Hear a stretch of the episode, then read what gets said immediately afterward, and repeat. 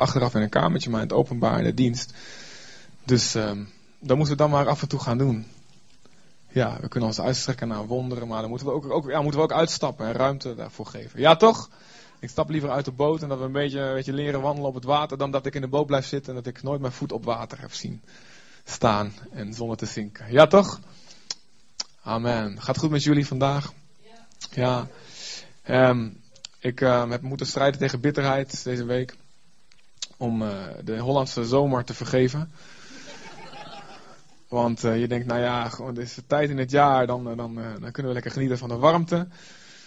Maar ehm, ja, de reus van teleurstelling, die, die kwam even langs.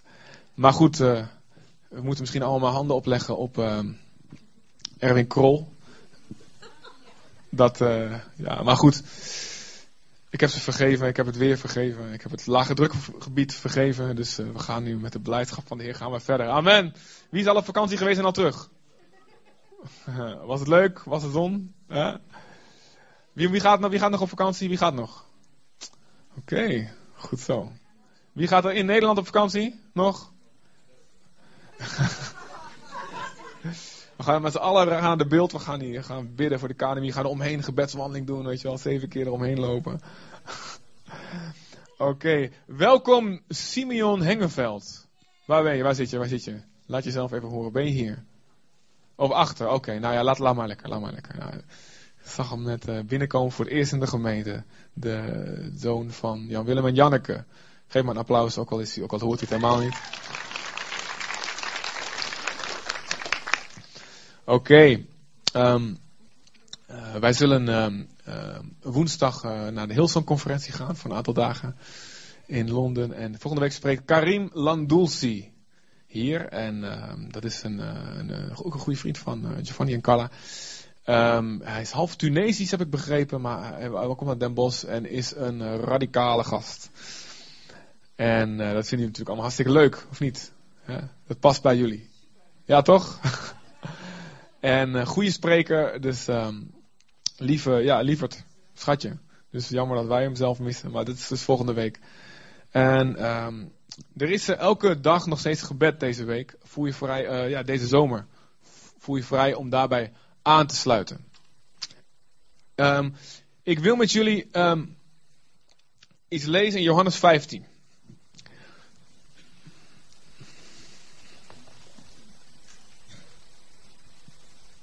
Kan iemand mij wat levend water geven?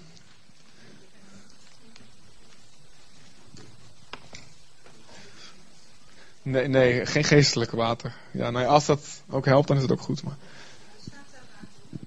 Oh, Colina, daar is, daar is het al. Johannes 15, vers 15. Nou, dankjewel.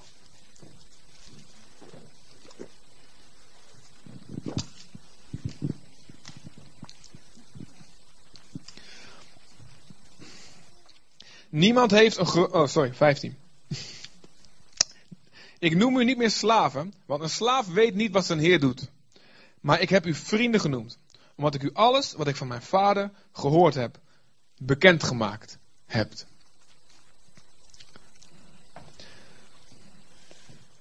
En dan wil ik even naar Galaten 4 gaan. Dat is een paar boeken verder. Galaten 4, vers 1.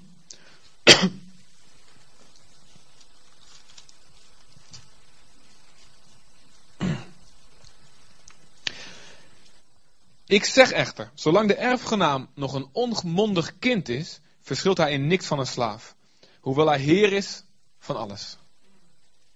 Maar hij staat onder voogden en beheerders tot het tijdstip dat de vader van tevoren heeft bepaald. Dus als een kind nog klein is, dan kan hij wel de erfgenaam zijn. Maar ja, je gaat die kind van vier nog geen beslissingen laten maken. Tenminste, zeker mijn dochter van vier, als die beslissingen laat maken over uh, ons uh, erfelijk bezit. Dan, uh, ja, dan wordt het nog gezellig. Um, en dat is wat hier staat. Zolang de erfgenaam nog een onmondig kind is, verschilt hij niks van een slaaf. Hoewel hij heer is van, alle, van alles. Maar hij staat nog onder voogden, onder beheerders. Tot het tijdstip dat de vader van tevoren heeft bepaald. Zo waren ook wij, toen wij nog onmondige kinderen waren, als slaven onderworpen aan de grondbeginselen van de wereld. Maar toen de volheid van de tijd gekomen was, zond God zijn zoon uit.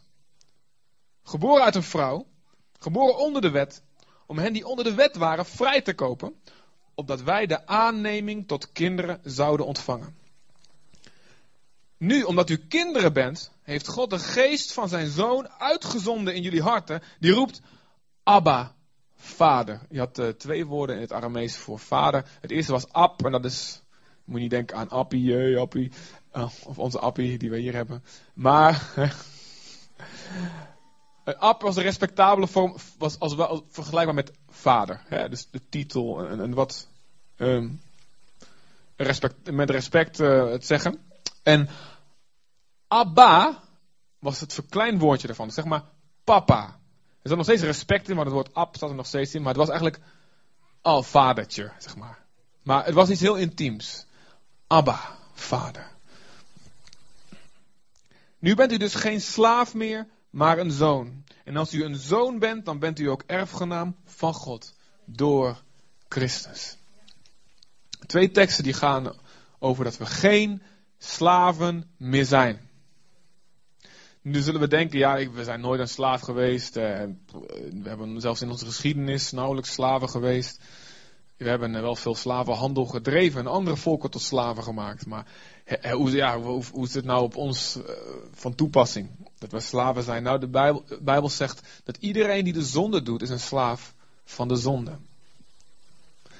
En er is één woord wat God op me sprak over vandaag. En het is het woord conditionering. En eerst dacht ik, ik begon daarmee een stukje schrijven, een preek begon te maken. En toen heb ik dat weer aan de kant gezet. dacht van, nou ja, dit is, dit is, volgens mij is dit het niet. Maar toen ik eenmaal bezig was met dat van slaaf, van, van slaaf naar zoon. Toen ontdekte ik hoe, waar dat woord eigenlijk is. Conditionering, even een moeilijk, uh, moeilijk woord misschien. Maar dat betekent, uh, condities is, is een moeilijk woord voor voorwaarden. En iemand die geconditioneerd is, dat betekent niks te maken met dat je heel goed kan rennen. Dat is een ander soort conditie weer. Dat is iemand die van voorwaarden afhankelijk is gemaakt. Geconditioneerd zijn is iemand die van voorwaarden afhankelijk is gemaakt. Dus iemand die niet meer buiten bepaalde voorwaarden kan. Er moeten bepaalde voorwaarden aanwezig zijn voordat hij iets kan doen. En dat is eigenlijk wat een slaaf is. Die is afhankelijk van voorwaarden. En God wil vandaag ons vrijzetten van elke voorwaarde die niet van Hem is. Luister, er zijn voorwaarden die Hij ons stelt. Dit zijn goede voorwaarden die vrijzetten, vrijmaken. Want zijn waarheid maakt ons vrij. Maar er zijn voorwaarden die de duivel over ons leven heeft gebracht, die niet van God zijn. Waarin we slaven zijn, waarin God zegt: Ik wil dat je een zoon gaat worden. Het belangrijkste uh, voorbeeld in de Bijbel van, van mensen die uit de slavernij geleid zijn, het volk van Israël dat in Egypte voor 400 jaar slaven was. Um, ze waren als vrije mensen gekomen, uh, als kinderen van Jacob, de twaalf aartsvaders, die de, de vaders van alle twaalf stammen geworden zijn ook. Die kwamen toen Jozef onderkoning was geworden, kwamen ze om te ontsnappen aan, aan de hongersnood in Israël naar Egypte als vrije mensen. En de farao was hun heel goed gezind, want ze waren familie van Jozef. En Jozef was een graag geziene man, was een geliefde man in de regering. Maar daarna kwam er een farao die Jozef niet meer kende. En wat er gebeurde, de hand van God, de zegen van God was op Israël. Ze begonnen zich te vermenigvuldigen als ratten, zeg maar. Of als ze begonnen, nou maar als hele heilige goede lieve ratten natuurlijk. Maar ze, als konijnen, ja, is dat een goede, goede uitspraak nou? Want God maakte ze vruchtbaar. En voor je het weet, werden ze een bedreiging voor de autochtone bevolking. Wie kent dat? Wie herkent hier iets? En er kwamen allemaal politieke partijen op in Egypte die zeiden: Deze mensen worden een bedreiging. Ze komen met te veel en ze doen ook nog aan gezinshereniging. Er zijn trouwens een half miljoen Indo's in Nederland. Dus, uh, we, waren bezig het land over te nemen, maar toen vermengden we ons en nu zie je geen verschil meer bijna.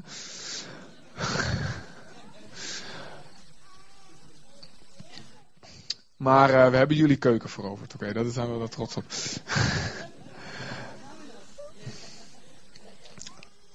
en de Is, en de, het volk Israël, wat begon als vrije mensen, werden door de, door de farao's en de farao's die erop volgen, tot slaven gemaakt. En generatie op generatie begonnen ze te wennen aan de situatie dat ze slaven waren. In plaats van dat ze zelf voor hun voedsel zorgden, zoals vrije mensen. Ik heb een stukje land, wat de bedoeling van God was. Abraham gaat een stuk land. En ze, zelf, ze konden zelf zorgen voor hun voedsel. Ze hadden een eigen vee en God kon dat zegenen en werd vermenigvuldigd. In plaats daarvan kregen ze hun eten van hun eigenaars. In ruil daarvan moesten ze veel dingen doen. En wat beschreven wordt in de Bijbel, ze moesten uh, uh, bakstenen maken voor de bouwwerken van de Egyptenaren. En in ruil daarvoor kregen ze eten. En er werd goed voor ze gezorgd. Ze, zaten bij vleespotten, staat er. Ze kregen meer dan genoeg vlees en, en, en eten en komkommer en uien en knoflook wordt daar, daar ook opgenoemd. He, dat is de, de, de, adem van Egypte. De volgende keer als je niet zo lekker ruikt, zeg je gewoon ik, ik, ik, de adem van Egypte. En uien en knoflook. En ze werden afhankelijk van hun eigenaars. Als ze niet werkten, kregen ze geen eten. Als ze niet werkten, kregen ze een pak slaag. Met de zweep. Werden in elkaar geslagen. Of ze konden zo afgemaakt worden naar willekeur. Maar er was zekerheid. Er was zekerheid dat er eten was. Je hoefde niet zelf je land te bewerken. Je moest gewoon zorgen dat je baas tevreden was. En dan kreeg je eten. En zo zijn, zijn wij ook in, in heel veel gebieden, veel meer gebieden dan wij denken, afhankelijk gemaakt van wat de duisternis in ons leven heeft gebracht. En God wil ons uitleiden. Zoals het volk door Mozes werd uitgeleid. En met een opgeheven hand van God. En wonder en tekenen uitgeleid werd naar de vrijheid. Zo wil God ons uitleiden uit elk gebied waarin we nog slaven zijn, waarin we nog afhankelijk zijn van de voorwaarden die de tegenstander ons leven binnengebracht heeft. Het kan zijn in onze emoties. Het kan zijn in onze gedachten. Het kan zijn in de keuzes die we maken, in onze relaties. Het kan zijn in ons geld, in ons werk. God zegt, ik wil je vrijmaken. Ik wil je brengen naar mijn beloofde land. Waar je overvloed zal hebben. En weer een eigen stuk land zal hebben een eigen huis zal hebben. Waar je kan zaaien en oogsten. Waarin ik voor jullie zal zorgen. En waarin ik jullie een volk zal maken wat boven alle andere volken uitstijgt. Niet voor jullie zelf, maar zodat je andere mensen weer aan gaan trekken tot mij.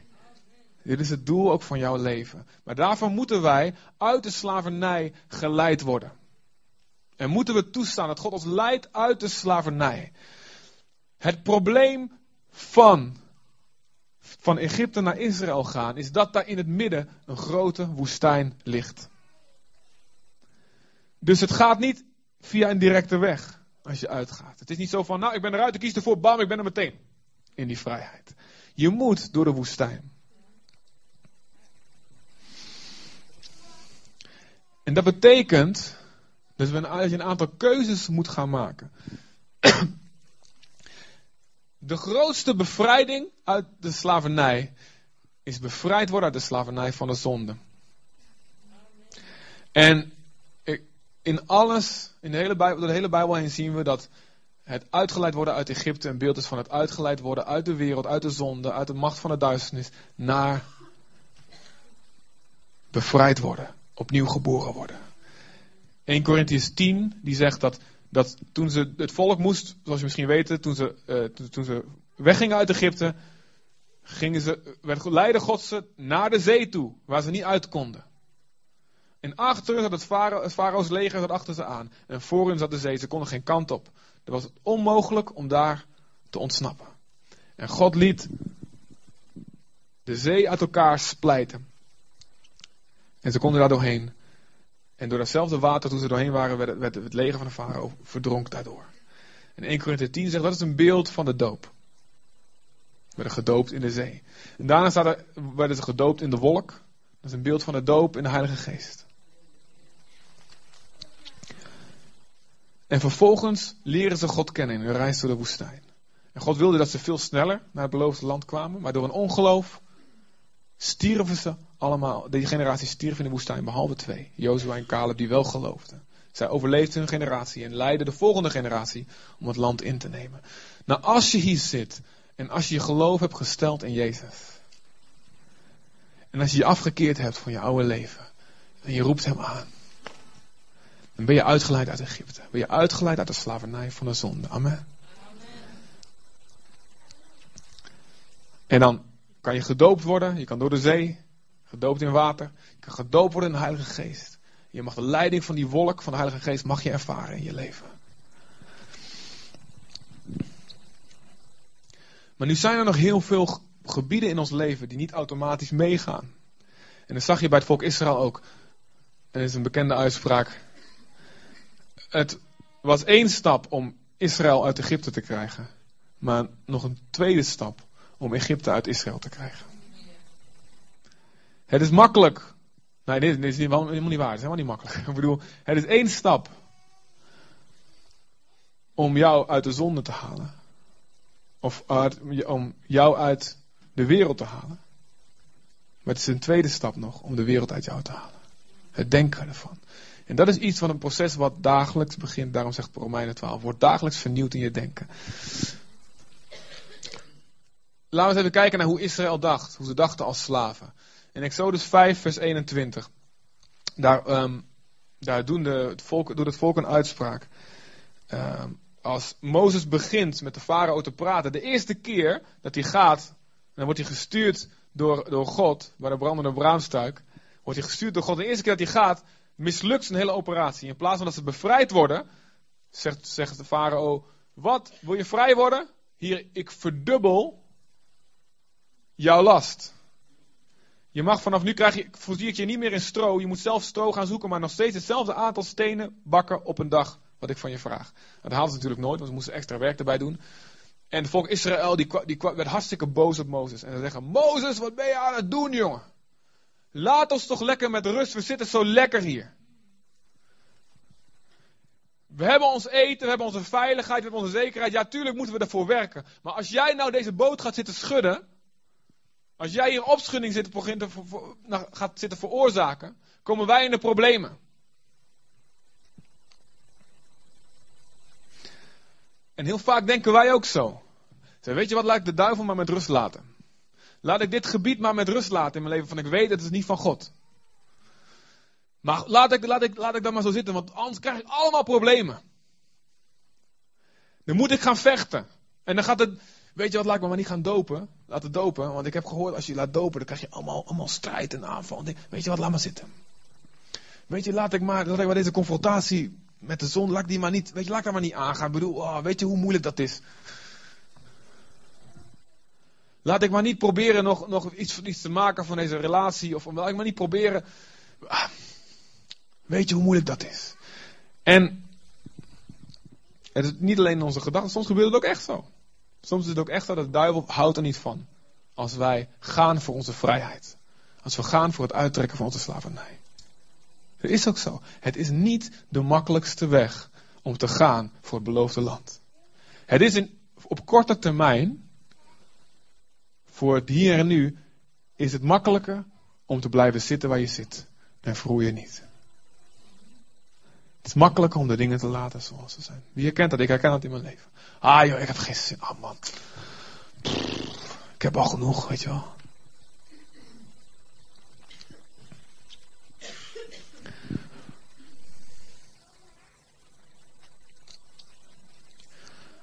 En we moeten voor onszelf een keuze maken.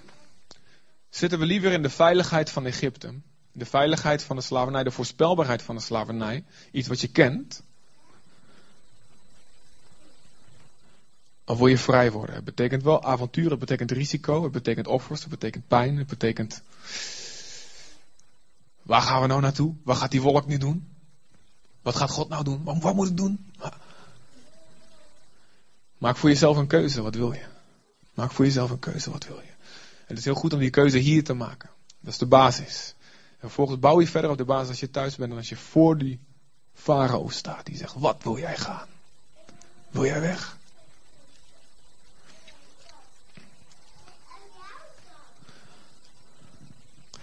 Um, het is, en, en ik herken dat ook in mijn leven. Ik zou veel liever geloven. Nou, iets in mij, iets in mij ook weer niet. Maar ik bedoel, mijn, mijn, mijn oude mens, wat op zoek is naar gemak en naar rust en naar, weet je wel, niet te veel gedoe en gewoon. Zou veel makkelijker bijvoorbeeld geloven dat God niet geneest. Of dat, weet je, dat God vroeger wonderen deed, maar nu niet meer. Als voorbeeld. Ik heb wel eens gedacht van, heer God, boy. Ik had best, kunnen, ik had best kunnen geloven in een God die niet geneest. Had ik misschien best vrede mee kunnen hebben. Ja, ik bedoel, in, er, zijn, zijn godsdiensten waarin ja, God bestaat, maar hij doet niks. Nu, tenminste niet hier en nu. Ik denk, maar, maar mijn, de eerlijkheid in mij kan er niet omheen dat God zegt, ik wil nu, ik wil hier en nu wonderen laten zien. Ik, ik kan niet anders dan dat geloven. Maar het is helemaal niet de makkelijkste weg. Het is veel makkelijker om een theorie te gaan bedenken die past bij wat ik graag wil. Wat gebeurt namelijk als je gaat geloven in dat er meer mogelijk is dan dat je nu ziet? Dan dat, er meer, als dat, God meer wil dan dat je nu zelf kan eigenlijk. Dan, ja, moet je God gaan zoeken, dan moet je opzoeken, dan moet je gaan worstelen met God. En waarom gebeurt het dan niet?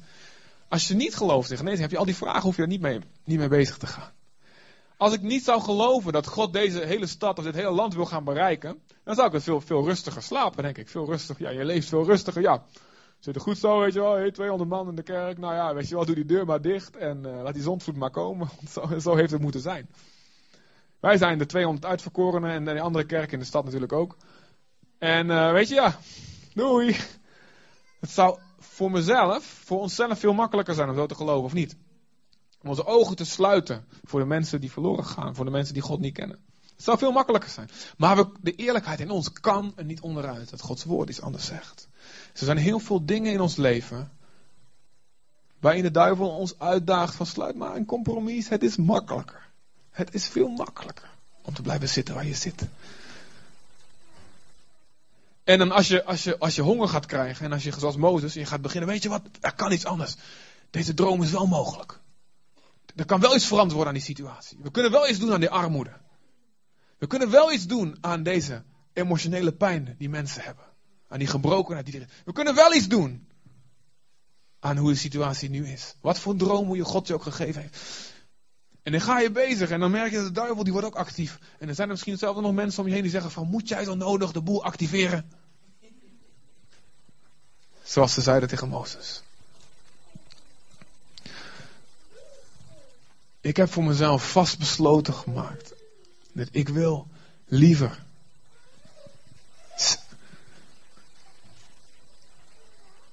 Ik wil liever gaan voor dat beloofde land en onderweg wat klappen oplopen. Maar uiteindelijk die vrijheid vinden. Dan dat ik veilig blijf bij de vleespotten van Egypte. En afhankelijk ben van de voorwaarden die de tegenstander mij stelt. Wie is met mij daarin? Wie is met mij daarin?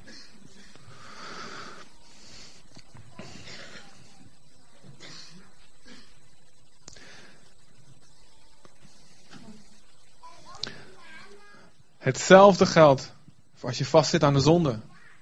Als, als je, je gelooft in Jezus, je, je, je gaat naar de kerk, je, je zegt van oké, ik wil ervoor gaan, maar die zonde, die, die verslaving in mijn leven, die verkeerde gewoonte, die laat ik maar zitten. Het kost te veel moeite. Ik kan het niet. Ik kan dit niet. Ik ben nou eenmaal zo. Dit is, dit is het kruis wat ik moet dragen op een of andere manier.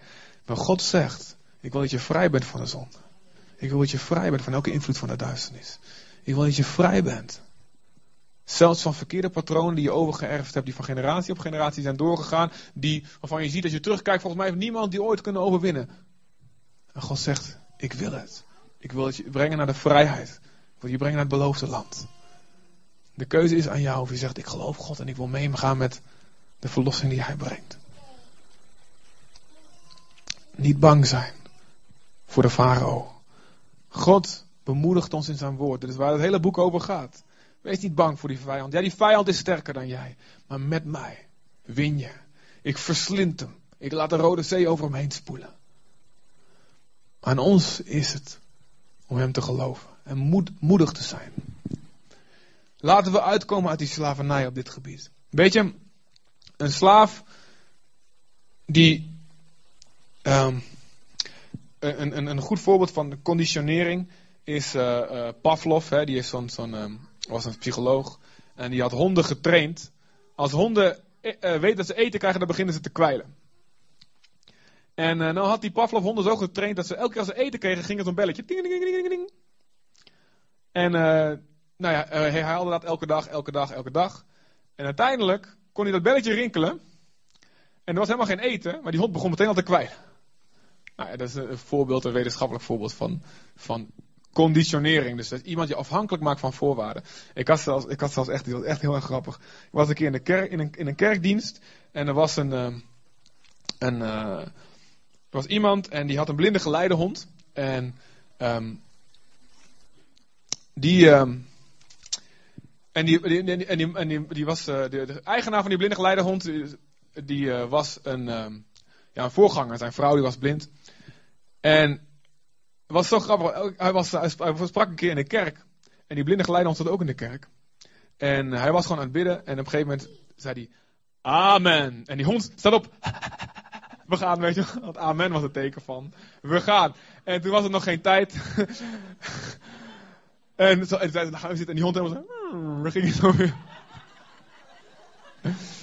Oké, getraind zijn, geconditioneerd zijn. Hoe ben jij getraind? Hoe ben jij getraind? Hoe, wat zijn jouw automatische reacties? Luister, een slaaf van de zonde zegt, jij slaat mij, jij beledigt mij, ik kan niet anders dan boos worden. Ik word, tuurlijk, jij maakt me boos. Jij maakt mij boos. Nee, juist, nee, jij maakt me niet boos. Jij maakt mij, jij maakt mij smelt. Jij laat mij smelten van binnen, kleine man, manas. Daar kan ik niks aan doen.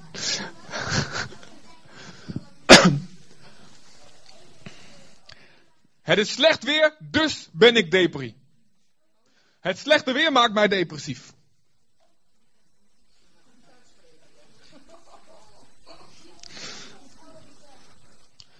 Ja, ik kan er niks aan doen. Ik zie daar een blote vrouw of met weinig kleren. Ja, dat doet wat met mij. Ik kan er niks aan doen. God zegt, je bent geen slaaf meer, je bent een zoon. Je ontvangt van mij de Heilige Geest. En de Heilige Geest is een geest van kracht, van liefde, van bezonnenheid. En bezonnenheid betekent helder denken. Je krijgt macht terug over je leven. De evangelie bekrachtigt je, geeft je de macht terug. Je gaat weer regeren. Dus als iemand jou slaat of jou beledigt, heb jij de keuze. Je hoeft niet meer boos te worden. Vroeger was je een slaaf. Kon er niks aan doen. Als je Jezus nog niet kent vandaag, je bent een slaaf. Niet leuk om te zeggen. Dat vind je allemaal nog aardig. God wil je vrijmaken. Vroeger was het van, ja, het weer bepaalt hoe ik me voel. Mijn baas bepaalt of ik, of ik blij ben. Mijn salaris, mijn geld.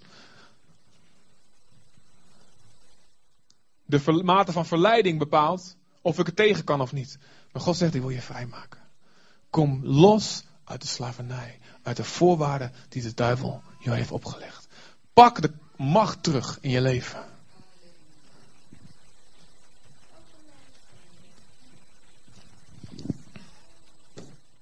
En ik vond dat heel vervelend ook in heel veel gebieden. Want wat gebeurt er? En er komt, uh, komt uh, een van mijn favoriete uh, leiders. Een van mijn favoriete minister-presidenten, Jan-Peter Balkenende. Die zei altijd. Zijn we allemaal vergeten alweer? Hoe, is het met hoe zal het zijn met hem, Balkenende? Um, hij zei. Met vrij, vrijheid is goed, maar met vrijheid komt ook verantwoordelijkheid. En dat is wel hoe het werkt. Want wat vervelend is. Als je je vrijheid terugkrijgt, word je in één keer ook verantwoordelijk. Oh, dat betekent, dat betekent dus dat ik nu ook verantwoordelijk ben voor hoe ik reageer. Want zolang ik een slaaf ben en iemand die beledigt mij en ik kan niet anders dan boos worden, want hij maakt me boos. En nu ik dus uh, heb dat ik dus wel kan kiezen hoe ik dan reageer door de kracht van de Heilige Geest, ben ik in één keer ook verantwoordelijk. Kan ik aangesproken worden op van uh, waarom vergeef jij hem die persoon niet? Vroeger kon ik zeggen van ja, ik zag gewoon een blote vrouw. Ja, dit dan gebeurd. Dat, ja, dan automatisch. Nu, nu kan ik dus kiezen. En dan ben ik dus ook verantwoordelijk. Wauw. Dus de lat voor een zoon komt hoger te liggen dan voor een slaaf. Luister, vroeger zaten we onder de wet. En de wet was voor kinderen, zegt Galaat. Hebben we gelezen in het begin. En Jezus komt En die legt de lat hoger. Waarom doet hij dat? Hij zegt van, van nu ontvangen jullie de Heilige Geest. En krijgen jullie macht over je keuzes. Dus je wordt verantwoordelijk. Nou moet je uitkijken dat je niet, dat je niet doorschiet naar de andere kant. God wil, God wil je een zoon maken. Ook de dames. Zeg maar mij, ik ben een zoon. Kom hè. Je mag het ook met een extra lage stem zeggen als je dat meer. Ik ben een zoon. Ja. Dat klinkt een beetje eng hier. Dan gaan we bidden voor bevrijding op een moment. Dat klinkt echt eng. Maar je, je, je kan doorzien naar de andere kant. En zeggen, oké, ik pak die verantwoordelijkheid. Maar als je niet de relatie met God de Vader pakt. Word je niet een zoon, maar word je een wees. Wat is een wees? Iemand, iemand die wel alle verantwoordelijkheid voelt. Maar geen vader kent. Die hem steunt door de Heilige Geest.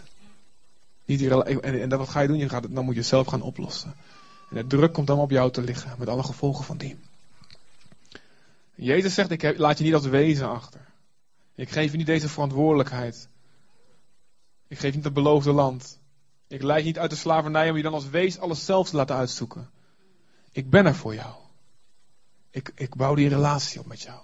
En ik leer je stap voor stap hoe je ermee om moet gaan. Weet je, God is zo lief. In Exodus 13. Exodus, even kijken, waar staat dat? Exodus 13, vers 17 tot 18.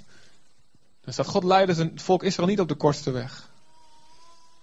De kortste weg was via het land van de Filistijnen. Langs de zee. Zo waren ze ook gekomen. En er was ongeveer tien dagen reizen, volgens sommige schattingen. Maar God leidde ze helemaal eromheen, helemaal naar beneden, naar die zee. Waarom deed hij dat? er staat daar, als ze meteen de oorlog moeten aangaan met de Filistijnen, zouden ze schrikken en zouden ze meteen teruggaan naar Egypte. God heeft een opbouw in jouw oorlogen. En wat, je, wat hij je aan laat kunnen. Opbouw ook in de verantwoordelijkheden die hij je geeft. Hij laat je niet meteen, de hoogste level vijand was de Filistijnen. Die werden ook als, als laatste afgemaakt in het beloofde land. Maar God zorgt ervoor dat de, dat de strijd een opbouw heeft. Maar als wij kiezen voor de kortste route, dan komen we uh, vijanden tegen. Waarvan God zegt, die heb ik dan niet de bedoeling dat je die, die aangaat. We moeten daarin de leiding van God in ons leven ervaren. Dit is voor, voor sommigen, misschien voor jullie. wat doet een slaaf? Nou ja, Dus je krijgt verantwoordelijkheid over je leven terug. En ik vond dat heel vervelend, ook vooral toen ik op een gegeven moment was ik ergens en toen hoorde ik, hoorde ik iemand, um, dat een soort seminar, die zei, nou, je kunt ook kiezen wat je voelt. Ik zeg, wat? Dat is weer nieuw. Kan ik dat ook al? En ik baalde daarvan. Ik dacht van, man. En je kunt kiezen wat voor houding je hebt en wat voor situatie. En ik dacht, oh man. Kan ik weer, weer iets minder om achter te verschuilen.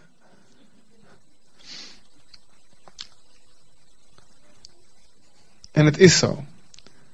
Het is zo. Maar God zegt, ik help je. Jij kan het zelf niet. Vraag aan mij. Je vul me elke dag met de Heilige Geest. God, ik word moe uit mezelf. Ik kan het niet. Leid me. Leid me om een zoon te gaan worden. Zo zeker te zijn van uw liefde. Zo zeker te zijn van uw liefde. Dus God zegt, kom uit die slavernij. Wat doen slaven nog meer? Het eerste is dus slaven die, die houden liever alles bij het oude. Alsjeblieft. Niet te veel moeite. Je kiest de kortste route. Ik blijf liever slaaf in Egypte. Daar heb ik zekerheid. Dan het onbekende. Het tweede wat een slaaf doet is. Een slaaf kijkt naar anderen om een problemen voor hem op te lossen. Mozes, ik heb honger. Mozes, ik heb dorst. Het hele volk riep dat in de woestijn. Die hebben een beetje denken aan de smurf. Grote smurf is het nog ver. Mozes, ik heb veel vlees. Mozes, ik heb genoeg van het manna. Mozes, wat moeten we doen? Mozes, wat zegt God? En God snapt dat. God weet wat er vandaan komt. God weet dat ze al die jaren met een zweep slaaf gemaakt zijn. Maar God wou ze leiden. Naar een zoonschap. En Mozes op een gegeven moment zo moe van. Zei, God, moet ik het hele volk in mijn eentje dragen? Och, lach was de geest van God maar over het hele volk, dat allemaal profeteerden. Dan kon ik met pensioen. En dit zijn, een mentaliteit van een slaaf zit ook in mensen die zeggen van, weet je wat, de regering moet dit oplossen. De maatschappij moet dit oplossen. De kerk zou meer dit en dat en dit. Een slaaf neemt geen verantwoordelijkheid, want er wordt altijd voor gezorgd. Maar God wil je een zoon maken. En een zoon kijkt anders naar de zaken.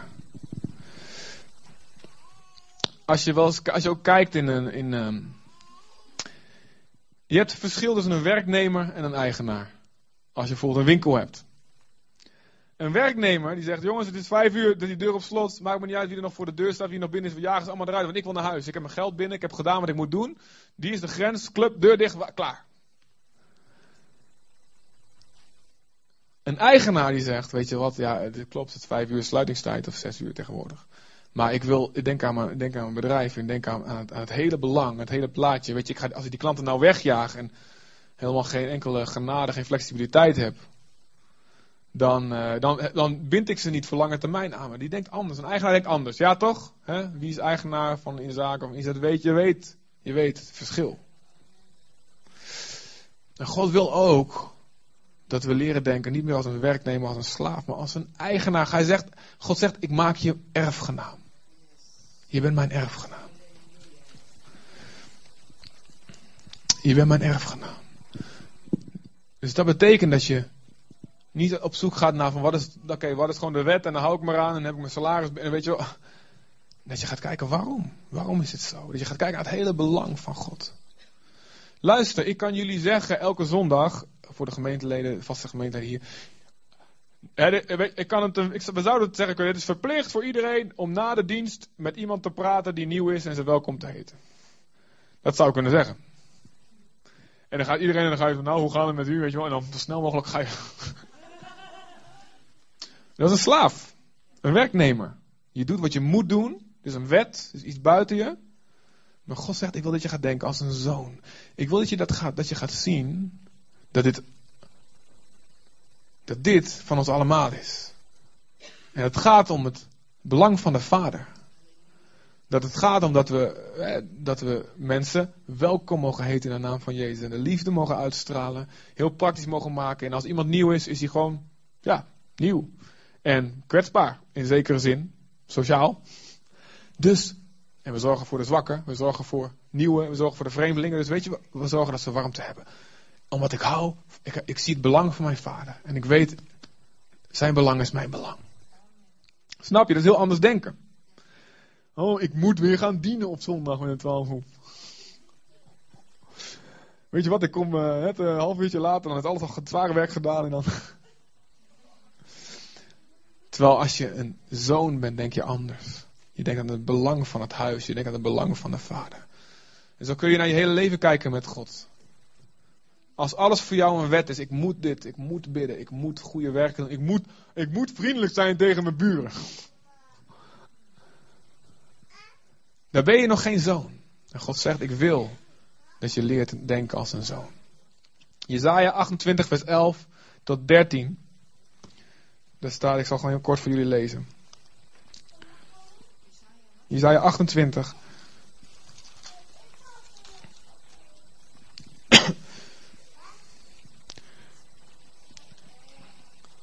...28 vers 11... Dan zegt God, ja met belachelijke klanken... ...en in een andere taal... ...zal God tot dit volk spreken. En Paulus betrekt dit belachelijke klanken... ...op spreken in tongen, 1 Korinthe 14 als een teken. Zal God dit volk spreken tegen wie hij zei: Dit is de rust. Geef de vermoeide rust. En dit is de verademing. Maar zij wilden niet luisteren. Daarom zal voor hen het woord van de Heer zijn: gebod op gebod, gebod op gebod, regel op regel, regel op regel. Hier een beetje, daar een beetje. Luister, dit, wat, dit is een beetje, misschien een beetje ingewikkeld. Wat hier staat is: God sprak tot het volk Alsjeblieft, leer mij toch kennen, leer mijn hart kennen. Maar ze wil niet luisteren. Weet je wat, geef ons maar gewoon wat we moeten doen. Vertel me maar hoeveel ik moet geven. Vertel me maar bedrag. En dan is het goed. Ik heb geen interesse in God te kennen. Vertel me gewoon precies wat mijn religieuze plicht waar ik aan moet voldoen. En dan doe ik dat en dan klaar en dan ga ik er verder met mijn eigen leven. En God zegt, als, als je dat doet, je wil, je wil niet echt mij leren kennen als een zoon de vader leert kennen. Dan wordt, worden de dingen van God voor jou wetje op, wetje, gebodje op gebodje, regel op regel. En je komt niet in de rust die God voor je bedoeld heeft. En dat is wat Galaten 4 wat aan het begin gelezen hebben. Dan ben je als het ware nog een kind. En alles, alles, het is voor, de dingen zijn voor je een wet. Je doet de dingen omdat ze moeten of omdat ze verwacht worden van je. En je bent een slaaf. Nog van de wet. Je moet in bedwang gehouden worden door de wet. Maar God zegt, word een zoon. Neem je positie in als een zoon in mijn huis. En wat gebeurt er? Dan krijg je ook de rechten van een zoon. Dezelfde rechten die Jezus had, mogen wij dan ontvangen. We zijn niet meer een slaaf. En luister, de eerste tekst is, die we gelezen hebben is. Een slaaf weet niet wat zijn heer doet. Een slaaf kent de vader niet. Die doet gewoon wat hij moet doen en dan is het voorbij. Maar een zoon, een vriend, noemt Jezus het ook. God, Jezus zegt, ik maak jullie alles bekend wat ik van de vader heb gezien. God heeft jou bestemd om te regeren op een troon samen met Jezus. En hij wil je klaarmaken voor die positie. Paulus zegt tegen de Corinthiërs: Weet je niet dat je de wereld zal oordelen? Dat, weet je niet dat je engelen zal oordelen?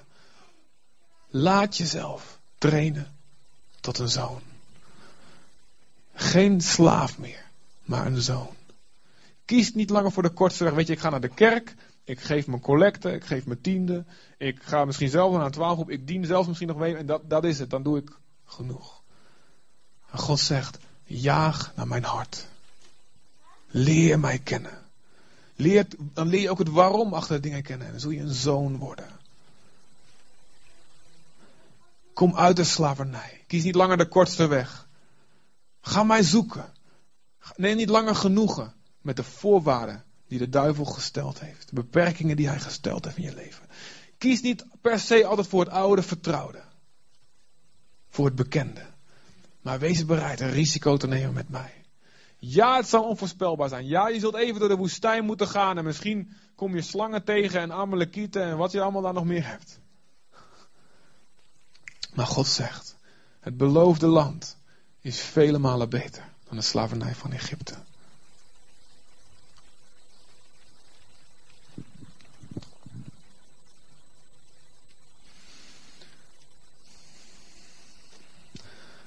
Zullen we, zullen, een tijd eventjes nemen dat we God tot laten spreken? Victor, wil je komen met je lieve vrienden?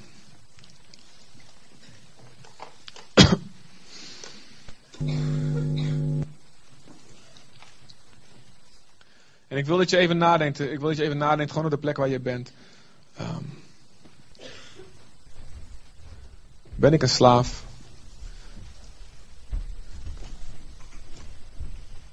De, de Joden Johannes 8. Jezus zei tegen ze: Als je mij gelooft, dan de waarheid, de waarheid zal je vrijmaken, zei Jezus daar.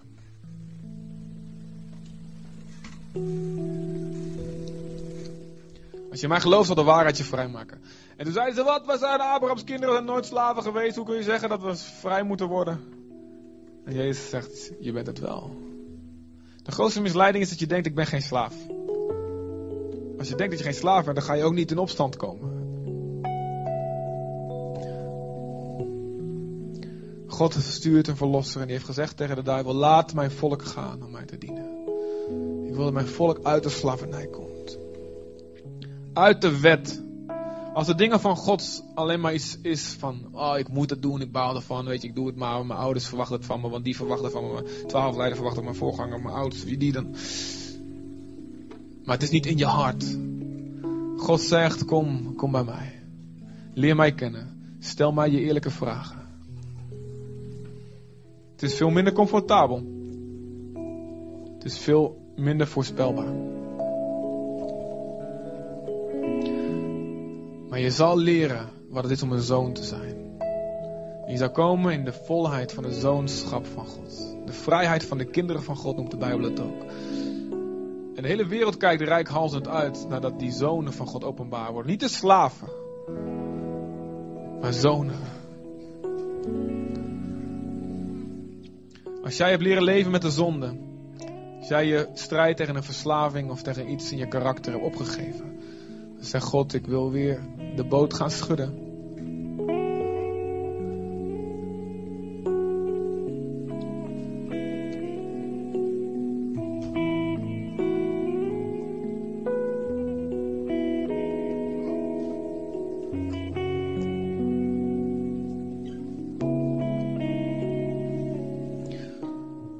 Wees bent en je voelt wel de verantwoordelijkheid, maar niet de relatie met God. Zeg God tegen je, je bent al een zoon. Je bent een zoon. Ik ben er wel. En je maakt nog niet gebruik van die relatie met mij. Want je denkt dat je een wees bent, dat je het zelf moet doen. Want je het hebt gezien bij je vader of bij je moeder of bij... Dat hij er ook niet voor je was. Niet genoeg. Dan denk je dat ik ook, ik ook zo ben. Je hebt geleerd te knokken in het leven voor je eigen boontjes te doppen. Het heeft je veel voor energie gekost. En in heel veel opzichten heb je het gered, heb je het overleefd. Maar je gedraagt je als een wees. Zoals we vorige week, vorige week ook gezegd hebben over afwijzing. God zegt, ik ben er voor je. Ik ben er voor je.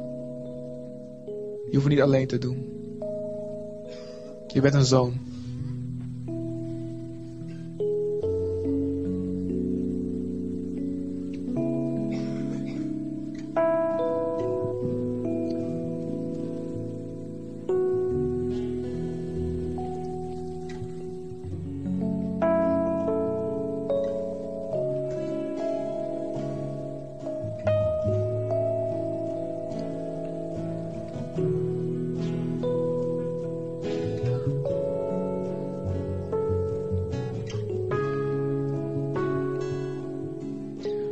Zou je willen vragen om mij uh, na te bidden. Als je het ermee eens kan zijn. Vader God, ik kom tot u. Laat me zien waar ik nog in slavernij leef.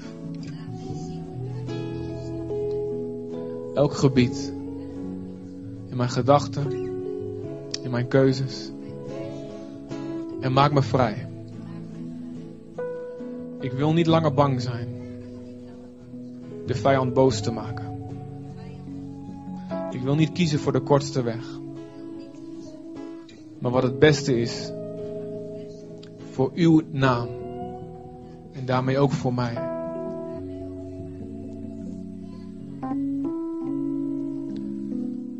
Leer me denken als een zoon. Niet langer als een werknemer. Ik dank u dat ik uw erfgenaam ben. In Jezus. En ik kom in opstand. In uw kracht. En in uw bescherming. Tegen elke slavernij. Tegen elke zonde. Tegen, el tegen elke verslaving. Tegen elke conditionering tegen elke beperkende voorwaarde. En ik ga leven in het koninkrijk van God. Waar alles mogelijk is. Waar geen voorwaarden zijn. Behalve de liefde van de Vader. En ik stap in de vrijheid van het zoonschap van God. In Jezus' naam.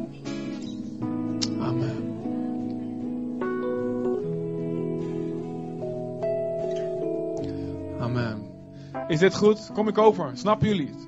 Ja, is dit goed? Wil je? Ik zie het ergens zo. Ja, daar achterin ook goed zo. Zullen we gaan zingen? Zullen we gewoon uh, misschien, misschien, misschien Vader God, ik vraag mij af. En dan daarna. Uh, Zoveel 99. Ja.